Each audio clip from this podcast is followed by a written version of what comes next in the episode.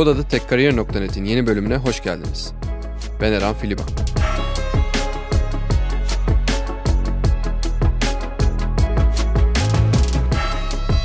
Bu bölümki konuğumuz Mert Susur. Chainalysis'te Engineering Manager olarak çalışan Mert, aynı zamanda Code Fiction yazılım odaklı podcastlerinin de sunucularından. Mert'le yazılımcının gizli silahını, iletişimi konuştuk. İletişimin neden önemli olduğu ve yazılı sözlü iletişimi nasıl iyileştirebileceğimiz konusunda bize yol gösterdi. Mert aynı zamanda sağlıklı tartışma ortamı yaratabilmenin yöntemlerini ve şirket içerisinde güvene dayalı geri bildirim ortamının sağlanması için neler yapılması gerektiğini bizimle paylaştı. Keyifli dinlemeler. Hoş geldin Mert. Merhabalar Eren. Bugün seninle güzel bir konu konuşacağız. Yazılımcının iletişim macerası. Şimdi neden seninle bu konuyu konuşuyoruz ve neden bu konu? Belki biraz onları irdeleyelim. Öncelikle neden seninle konuşuyoruz? Özellikle sadece bu konu değil ama bu konuyla alakalı da senin bayağı bir paylaşımın oldu. Hem Twitter'da bu konuda paylaşım yapıyorsun. Hem zaten Code Fiction'da çektiğin bölümlerde de bu konuya bayağı değiniyorsunuz ama diğer taraftan senin bir blogun var. Ürün Geliştirici Kütüphanesi adında. Onu da linklere de eklerim bölüm notlarına. Orada da çok düşünülmüş bir şekilde çok güzel yazılar yazıyorsun ve şey konuları yok orada. Yani teknik konular yok. Daha hani yazılımcının bir takım içerisindeki rolü, bir şirket içerisindeki rolü, ürün geliştirme sürecindeki rolüyle alakalı yazıyorsun. İletişim de zaten hepsinin alt metni.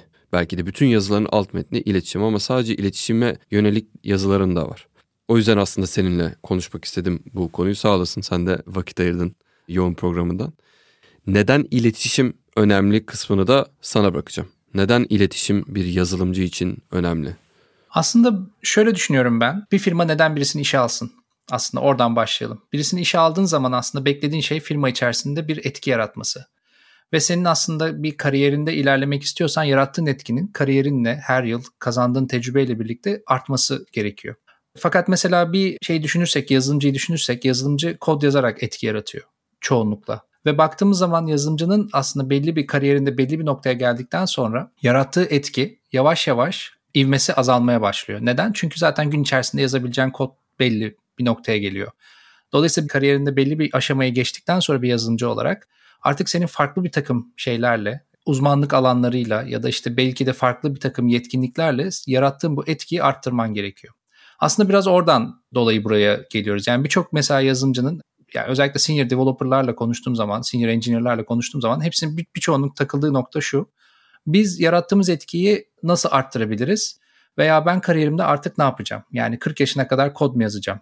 Ya da işte ben bundan sonra hep artık bir yazılımcı ya da individual contributor ya da işte IC olarak mı devam edeceğim gibi sorular oluşmaya başlıyor.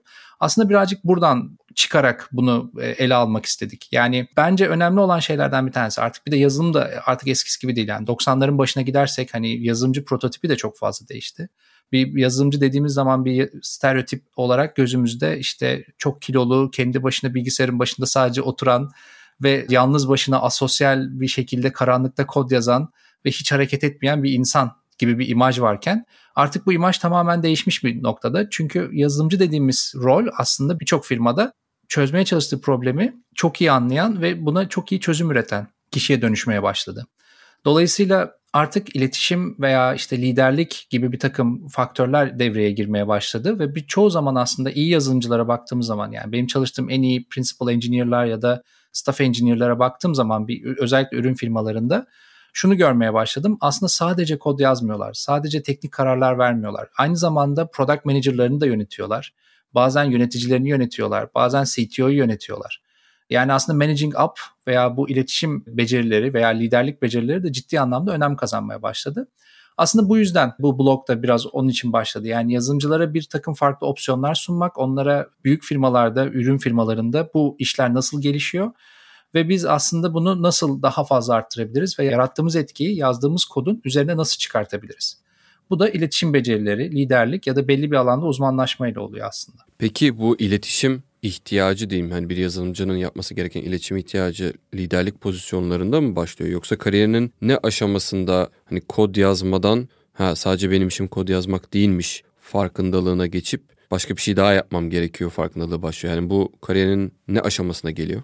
Bu benim de üzerine çok düşündüğüm bir konu. Aslında birçok farklı şey var. Tabii bunun tek bir doğru cevabı yok ama benim hani gözlemlediğime göre bakacak olursak Yazılımcılar özellikle belli bir aşamaya geldiklerinde artık etraflarındaki yani kendilerini teknik olarak belli bir yetkinliğe ulaştırdıklarında artık etraflarında daha farklı bir iletişim kurmaları gerektiğini anlamaya başlıyorlar. Eğer bunu mesela iletişim becerileri junior seviyedeyken yani ya da yeni mezun olduktan sonra yüksek olmaya başlarsa ya da çok fazla iletişime odaklanmaya başlarlarsa aslında şey gibi düşünebiliriz bunu bir RPG oyunu gibi düşünebiliriz yani role playing game'lerdeki gibi. Eğer o skill'e çok fazla yüklenirsen bu sefer farkında olmadan bir glue pozisyonuna dönüşmeye başlıyorsun yazılımcı olarak. Ne demek istiyorum? Yazılımcıların şöyle bir şey vardır ya hani çoğunlukla teknik taraflara odaklanırlar ve iletişimi kaçırırlar. Bu çoğunlukla birçok firmada, birçok takımda aynı. Eğer sen bir junior olarak iletişim becerilerin çok yüksekse farkında olmadan onların yapmaktan kaçındığı retroları yönetmek, işte ne bileyim sprintlerde belli toplantıları yapmak ya da belli şeyleri organize etmek gibi bir organizasyon rolüne dönüşüyorsun. Buna özellikle çok fazla böyle junior developerlar bu tuzağa düşüyorlar. Dolayısıyla bunun şeyini iyi ayarlamak gerekiyor. Düzenini ve dengesini iyi ayarlamak gerekiyor. Yazılımcının bence yani kariyer yoluna çıktığı zaman üniversiteden mezun olduğunda ilk başta yapması gereken şey bir an önce teknik olarak kendisini çok iyi bir noktaya getirmek ve çok güçlü bir takım yani tecrübeler kazanarak başarılı ya da başarısız olarak geri bildirim alarak belli bir aşamaya gelmek. Fakat bunu yaparken tabii ki şeyin farkına varması gerekiyor. Gözlemlemesi gerekiyor çalıştığı firmada nasıl iletişim kurabilirim? Ya da mesela politikadan kaçmak yerine politikanın ne olduğunu daha iyi anlamak. Ya da mesela yöneticime geri bildirimi nasıl verebilirim? Ya da ben bir geri bildirim nasıl alabilirim? Ya da takım arkadaşıma nasıl geri bildirim verebilirim gibi konuları yavaş yavaş anlaması gerekiyor. Fakat dediğim gibi bunun dengesini çok iyi kurması lazım ve bence ilk başta teknik problemlerini çözüp ondan sonra bu tarafa yönelmesinin ben daha iyi çalıştığını gördüm geçmişte. Anladım. Sen o zaman aslında diyorsun ki ilk başta iletişime odaklanma. İlk başta teknik yeteneklerini, yetilerini geliştir. İyi bir geliştirici ol. Ondan sonra iletişim konularına odaklan. Ya tabii bu böyle değil yani ya önce o sonra o değil iş içe gidiyor ama hani ağırlık belki orada zaman içerisinde değişiyor diyebiliriz.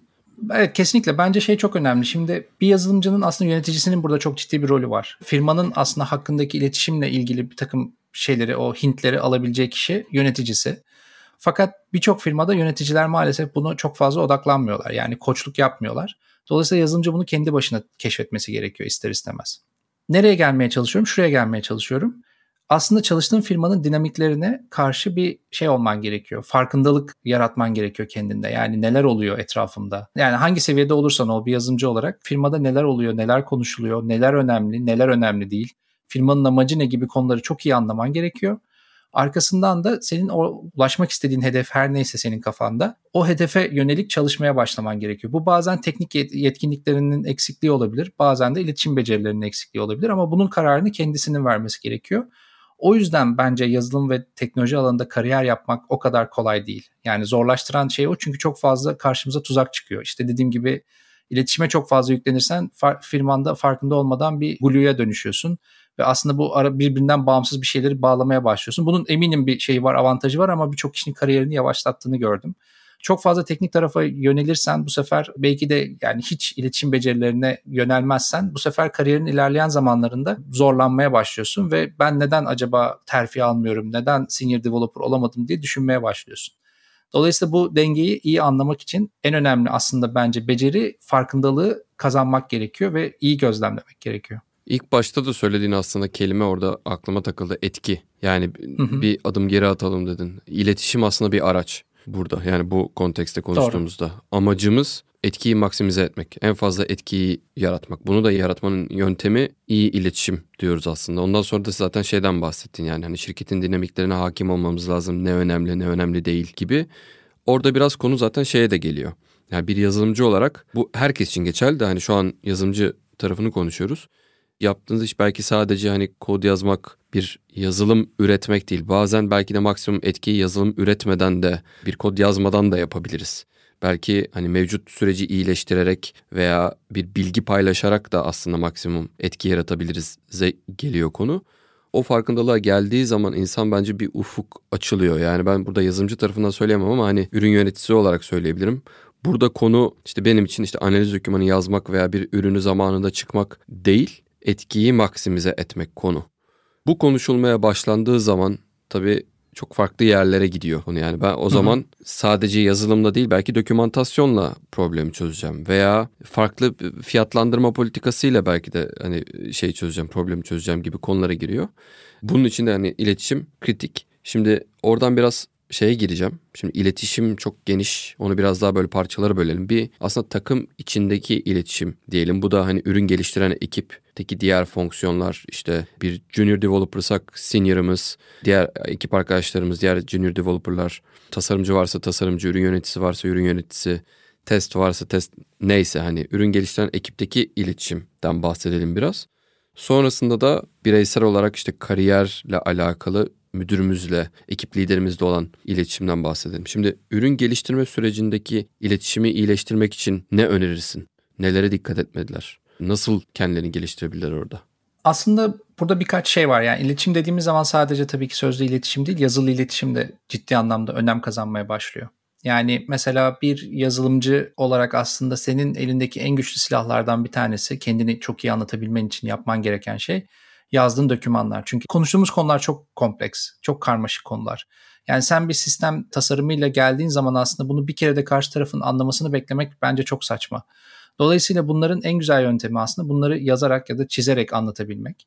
Dolayısıyla burada önemli bence etki yaratılabilecek konulardan bir tanesi bununla ilgili eğer bir firmada bir süreç tanımlı değilse bunu tanımlı hale getirmek veya işte bir yazılımcı olarak senin bunların örnek teşkil eden hareketler yapman gerçekten o firmada hani low hanging fruit derler ya hani orada aslında kolay kazanabileceğin, kolay yaratabileceğin bir etki diyebiliriz. Mesela birçok firmada bir, bir projeye başlamadan önce bir yazılımcı bir geliştirme yapacak diyelim ki ya da işte teknik ekibin bir takım yapmak, ulaşmak istediği bir hedef var. Onun için bir doküman yazmıyorlar. Ve bu dokümanı yazmak aslında günün sonunda birçok kişiye yani ve bu dokümanı yazdıktan sonra da bunu yani over, İngilizce kelime kullanacağım kusura bakma aklıma gelmedi. Over communicate etmenin tekrar tekrar yinelemenin bir zararı yok. Dolayısıyla şunu demeye çalışıyorum. Bir projeye başlamadan önce onun projenin aslında çözümüne odaklanmadan da önce problemi çok iyi ifade etmek gerekiyor. Benim çalıştığım en iyi principal engineer'lar ya da senior staff engineer'lar çoğunlukla ilk başta ilk toplantıda kesinlikle bir çözümü tartışmıyorlar. Yaptıkları en güzel şey aslında evet arkadaşlar ne çözüyoruz? Problemimiz ne? Çünkü benim aklıma şey geliyor böyle yıllar önce benim bir yöneticim e, İsmail Hakkı Aydın isminde bir yöneticim vardı. Şu anda Ericsson'da Kanada'da yaşıyor. Onun bahsettiği bir şey vardı yani sen bir problemi kod yazarak çözebilirsin. Bu senin iki ayını alır ama ben o aynı problemi belki de yarım saatlik bir konuşmayla çözebilirim. Yani aslında orada problemi ve hedefi eğer bütün takım iyi bir şekilde anlarsa ve yazılımcının bence sorumlulukları arasında bu. Yani bazı birçok kişi bunu yöneticiye ya da product manager'a yüklemeye çalışıyor ama bence yazılımcının sorumlulukları arasında. Çünkü günün sonunda işi yapacak kişi o. Problemi çok iyi tanımlarsa, eğer sınırlarını çözmeye çalıştığı ve çözmemeye çalıştığı şeyleri iyi bir şekilde ifade ederse, başlamadan önce daha çözüme gelmeden günün sonunda bütün takım bir anda şey olmaya başlıyor. Aynı hedef doğrultusunda hareket etmeye başlıyor. Eğer yani asıl kavgayı o noktada verdiğin zaman ki yöneticin ne olabilir, senin diğer paydaşların ne olabilir, product manager'ın ne olabilir, yöneticin ne olabilir? O noktada anlaştıktan sonra artık zaten sen kendi otonomini elde etmiş oluyorsun. Diyorsun ki biz bu konuda anlaştık ve bizim yaratmaya çalıştığımız etki bu, çözmeye çalıştığımız problem de bu. Bunun bir sonraki aşamasında artık iterasyonlar giriyor. Yani bir teknik tasarım yaptığın zaman bunun muhtemelen bir tane çözümü yok. Birden fazla çözüm var. Dolayısıyla iletişim kurarken aslında senin objektifliğini koruman gerekiyor. Yani şunu ispatlaman gerekiyor bence bir yazılımcı olarak karşındaki geri kalan diğer yazılımcılara veya diğer ekiplere.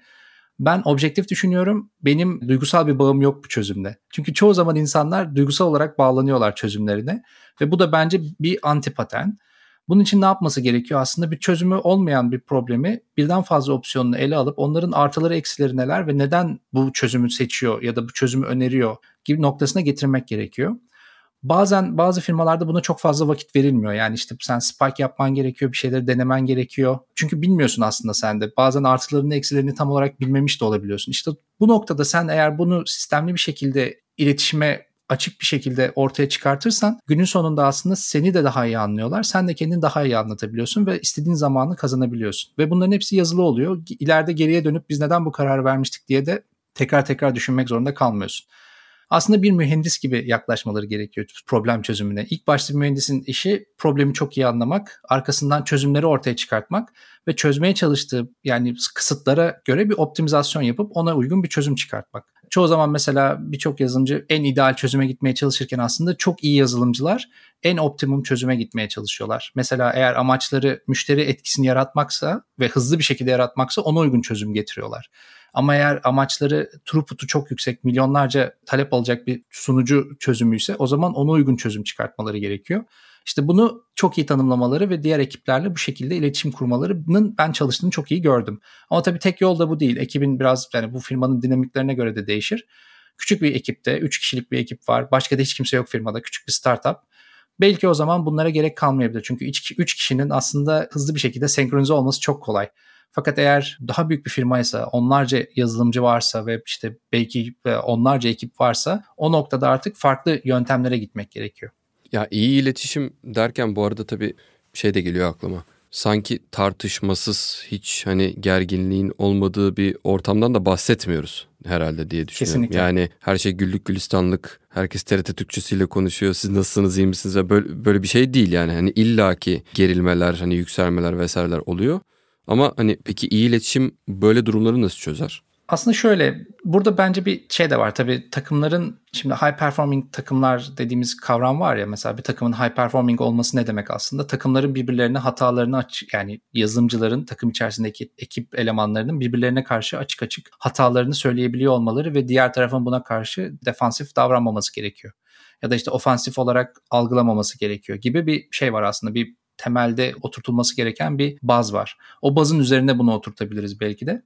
Yani takım içerisindeki aslında ilişkinin insanların birbirlerine güvenmesinin bir baz olduğunu düşünürsek bunun üzerine koyacağın zaman aslında dediğin gibi yani ben şeyler gördüm yani yazılımcıların gerçekten bir dokümanda ciddi ciddi kavga ettiklerini tartıştıklarını ya da pull request'te öyle komentler görüyorum ki yani o nasıl demiş bunu falan hani gibi algılıyorsun ama aslında onu o şekilde demiyor. Fakat sen eğer bunu hani İngilizce'de sugar coating dedikleri şey var ya yumuşatmaya çalışırsan etrafında böyle tatlı şeylerle süslemeye çalışırsan anlatmaya çalıştığının aslında senin için de zor oluyor karşı tarafında anlaması zor oluyor. Dolayısıyla direkt iletişim en güzeli. Fakat bunun için tabii takım içerisinde bir şey oluşturman gerekiyor. Güven ortamı oluşturman gerekiyor ve herkesin amacının iyi olduğunu söylemen gerekiyor. Tabii bunu hani birazcık daha ileri sararsak aslında firma kültürünün buna uygun olması gerekiyor. Firma içerisindeki kariyer yollarının bir, insanları birbirleriyle çatıştırmaması gerekiyor. Rekabete sokmaması gerekiyor vesaire gibi birçok şey geliyor. Yani buna hani performans değerlendirmesine kadar tartışabiliriz herhalde o detayına inersek ama iletişim noktasında geri kalırsak önemli olan şey karşı tarafa güven aşılamak. Karşı tarafla senin onlara güvendiğini onlara göstermen öncelikle. Ondan sonra da onların sana güvenmesini sağlaman. Burada tabii insanlara karşı dürüst olman, onlara bir takım yani yaptıkları bir hata olduğu zaman onu ne şekilde onlara ifade ettiğin ve mesela yani kalkıp da sen burada yanlış yaptın diye herkesin ortasında değil de hani bu radical candor dediğimiz yöntemle aslında ya gelip işte senin aslında yaptığın şey çok doğru değildi. Ben böyle anladım. Biraz da rahatsız etti bu beni. Yani bence şöyle yapsaydın daha iyi olurdu. Hani senin için de daha iyi bu. Çünkü senin yarattığın etkiyi azaltıyorsun gibi bir geri bildirim vermek karşı tarafa inanmayacağınız kadar etkili ve inanmayacağınız kadar güven oluşturan bir şey aslında. Şunu çünkü söylüyorsun sen. Birisine bir eksikliğini söylediğin zaman bak bence yanlış yapıyorsun şu yüzden ben senin daha başarılı olmanı istiyorum gibi böyle güven verecek şeylere de sürekli gitmek gerekiyor. Belki hani bu başlı başına bir detaylı bir tartışma konusu insan ilişkileri vesaire ama demeye çalıştığım şey güven oluşturduğum bir ortam yaratmak bence yazılımcıların elinde. Birebirlere inelim. Hani birebir o birebir görüşmelerinden bahsetmiyorum da birebir ilişkiden bahsediyorum aslında şu an.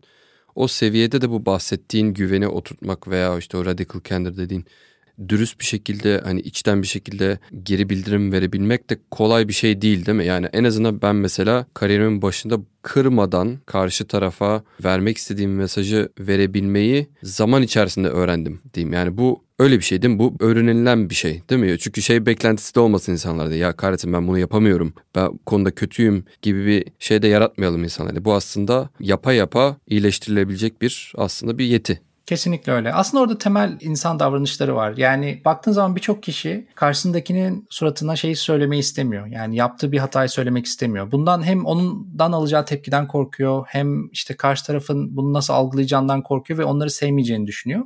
Fakat günün sonunda çalıştığımız firmalarda biz aslında iş arkadaşı desek de aslında meslektaşız. İş arkadaşı kelimesi bana yanlış geliyor orada. Meslektaşız aslında ya da takım arkadaşı değiliz yani. Aynı takımda çalışan üyeleriz. Burada önemli olan şey o firmanın başarılı olması, ekibin başarılı olması, senin başarılı olman ve onun başarılı olması. Bu sırayla bunu ele aldığın zaman aslında ister istemez karşı tarafa o geri bildirimi vermen gerekiyor. Fakat bunu verirken de o kişinin başarılı olmasını nasıl sağlayabilirsin? Yani gidip de karşı tarafa çok aptalca bir şey söyledin demek bir geri bildirim değil. Ama şunu diyebilirsin. Sen konuşmaların arasında çok fazla ı, a diyorsun. Fakat işte bunu dediğin zaman biraz böyle konuştuğun konuyu bilmiyormuşsun gibi insanlarda etki yaratıyorsun. Ben senin başarılı olmanı istiyorum. Bunu çözmek için böyle bir şey deneyebilirsin. Mesela bu güzel bir geri bildirim. Çünkü sorunu anlatıyor, etkisini anlatıyor ve karşı tarafın nasıl çözebileceğine dair bir çözümle geliyor aslında. Bu çok güzel bir geri bildirim. Yani bu tarz şeyleri birazcık daha pratik etmek, denemek ve ekip içinde sürekli geri bildirim vermek en başarılı şeyi. Birçok yazılımcı bunu düşünmüyor. Böyle bir böyle bir sorumluluğum yokmuş gibi algılıyor fakat sizin de geri bildirim vermeniz gerekiyor. Yani bir yazılımcı olarak çok önemli bir şey bu. Çünkü anca onu yaparak insanların etrafındaki takım takımındaki diğer kişilerin etkisini arttırabilirsin. Senin başarılı olmanı garanti edebilirsin. Aynı zamanda da onların üzerindeki influence'ını arttırabilirsin. Bunu da belki de en iyi öğrenme şekli hali hazırda bunu oturtmuş bir şirkette çalışmak olabilir belki de. Yani ekipteki arkadaşlarında işte ekip arkadaşlarında veya meslektaşlarında senin dediğin gibi bu yetenekleri veya bu özellikleri gördüğünde veya şirketteki o kültürü gördüğünde kopyalaması, emile etmesi daha kolay aslında. Evet. Sorun da aslında ona bağlı olarak şu. Ben bir çalışan olarak yazılımcı olur başka bir şey olur bir şirkete bu iş görüşmelerinde olur veya işe girdikten sonra ya yani bu şirketin iletişim kültürü sağlam mı değil mi? Açık mı değil mi? Onları nasıl anlayabilirim? Yani iyi bir iletişim kültürü olan bir şirkete giriyor muyum? Sorusunu nasıl cevaplayabilirim? Ben şöyle yapıyorum bunu. Bu, bu arada çok başarılı olduğumu da söyleyemem bu konuda. Yani çok yanlış tercihler de yaptım kariyerimde. Fakat şöyle değerlendiriyorum. Mesela sen bir sonuçta bir iş görüşmesine gittiğin zaman iş görüşmesindeki amaç yani seni belki seviyene bakmaları ama aynı zamanda senin de onları durumuna bakman gerekiyor.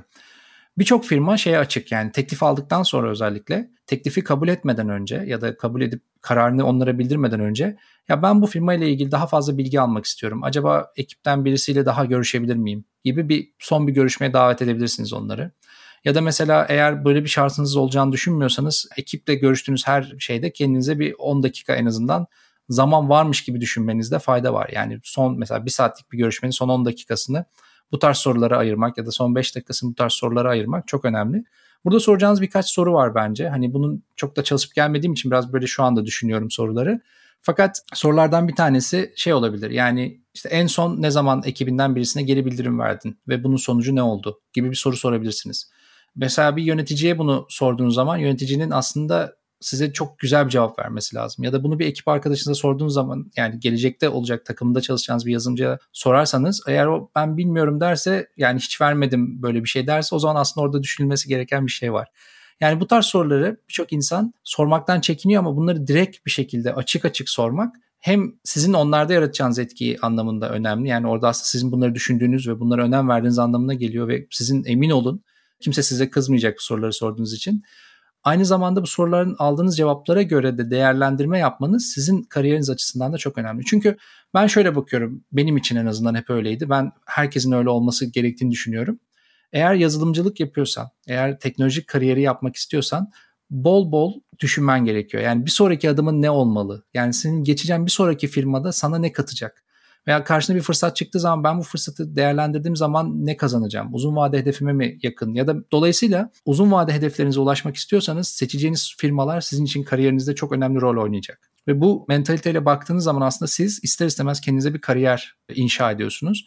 Bu kariyeri inşa ederken atacağınız adımların arkasında sebepler olması lazım. Yani Aa, bu firma daha fazla para veriyormuş diye geçmek tek güzel bir sebep olabilir. Belki o zaman ihtiyacınız olur ama her zaman doğru doğru olmayabilir. Yani her zaman yüksek maaşı veren firmaya gitmek sizin için doğru tercih olmayabilir. Dolayısıyla bu tarz sorular sormak, firmanın mesela bir mülakatta firma kültürünü anlatın diye bir soru sormak yerine işte firmada işte mesela şöyle bir şey sorabilirsiniz. En son takımın yaptığı bir hatayı anlatır mısın? gibi bir soru sorabilirsiniz yani. Ne gibi hatalar yaptı ve firma buradan şunu öğrenirsiniz. Bunu sorduğunuz zaman acaba firma hataları ne kadar tolere ediyor ve hatalar karşısında neler yapıyor?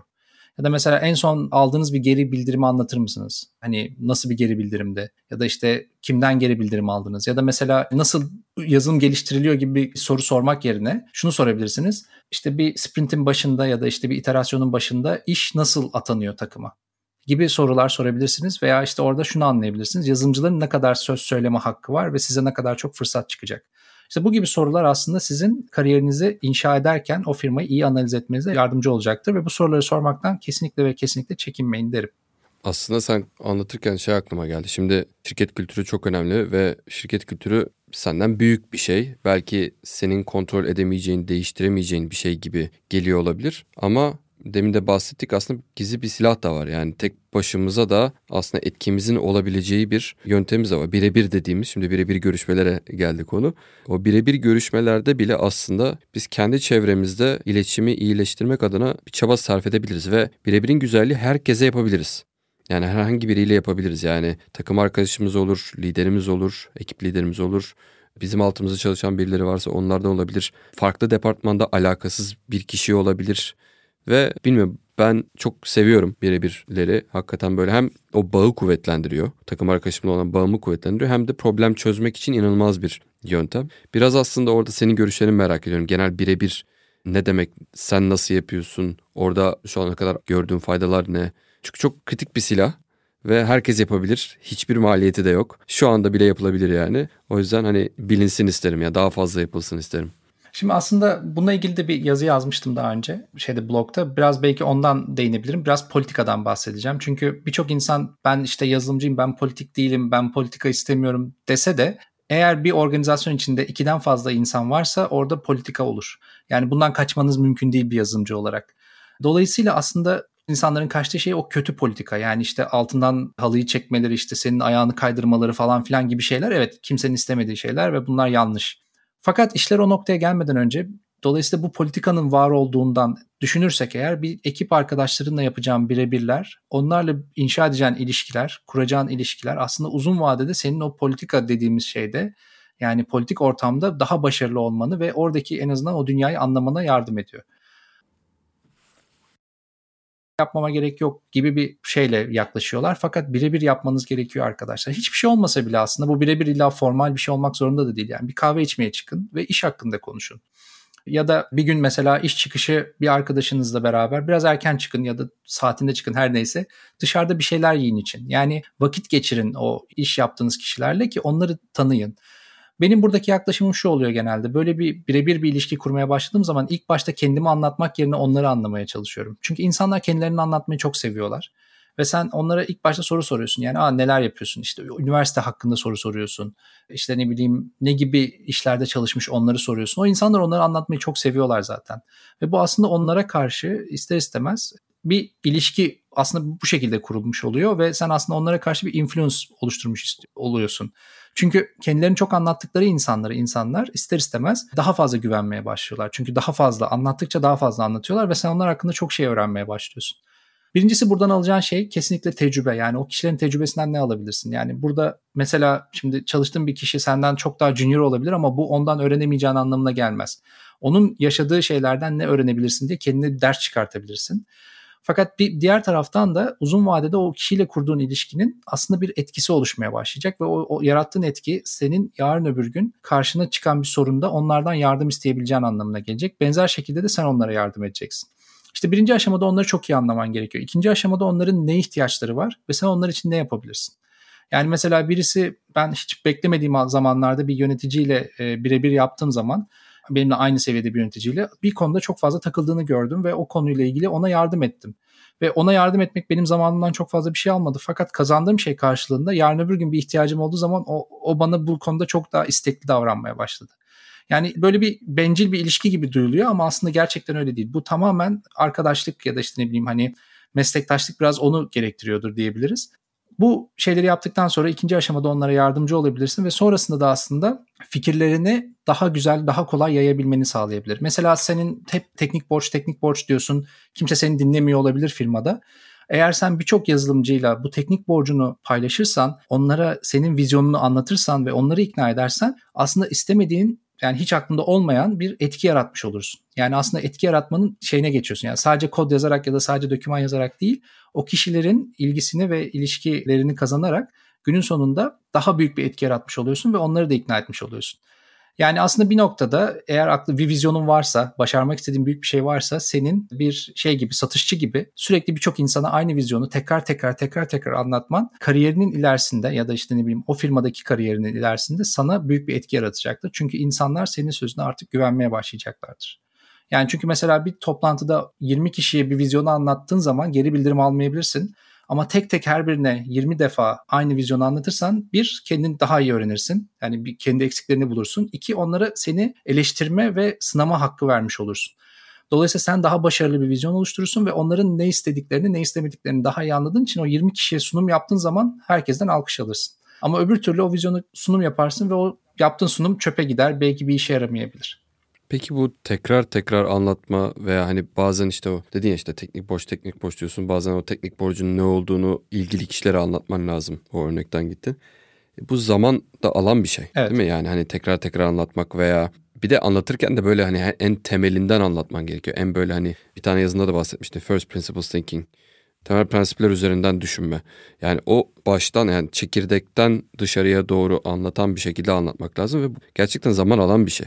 Yani bir zaman yatırımı yapmak gerekiyor.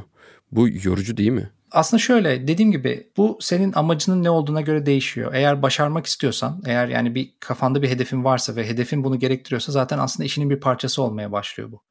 Ve tabii ki yorucu, kolay değil. Aslında biraz da duygusal da bir şey istiyor, enerji istiyor. Çünkü sürekli insanlarla konuşuyorsun. Belki de çok korktuğun bazı insanlara vizyonunu anlatıyorsun ve ne cevap geleceğini bilmiyorsun. Bunlarla baş etmek tabii ki zorluk istiyor.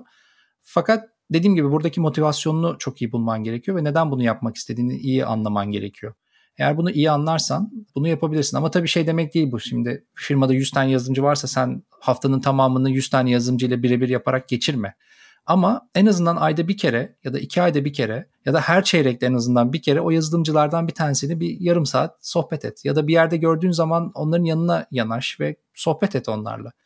Yani bu illa şey olmak zorunda değil. Yani herkesle senkronize olmalıyım gibi böyle bir çılgınlığın içine girmek yerine hedefin ne, o sırada çözmek istediğin şey ne ve sen onun için anahtar kişiler kimler, kimlerin fikirlerine güvenebiliyorsun. Yani firma içerisinde fikirlerine güvenilen kimler var ve onları nasıl etkilemen gerekiyor ve onlardan ne öğrenebilirsin. Dolayısıyla bir şey olması gerekiyor.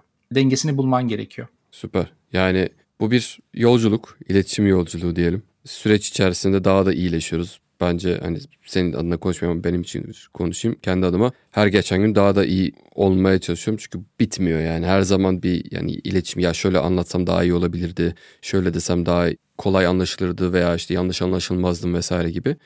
Bence bu bir yolculuk ve yapa yapa iyileştiğimiz bir şey. O yüzden çok güzel bir şey oldu. Yani baştan sona böyle farklı farklı açılara girmiş olduk. Çok teşekkürler Mert ağzına sağlık. Ben teşekkür ederim davet ettiğin için. Ne demek benim için çok büyük keyifti dinleyenlere de tekrardan hatırlatayım. Mert'in yazılarını da linklere ekleyeceğim.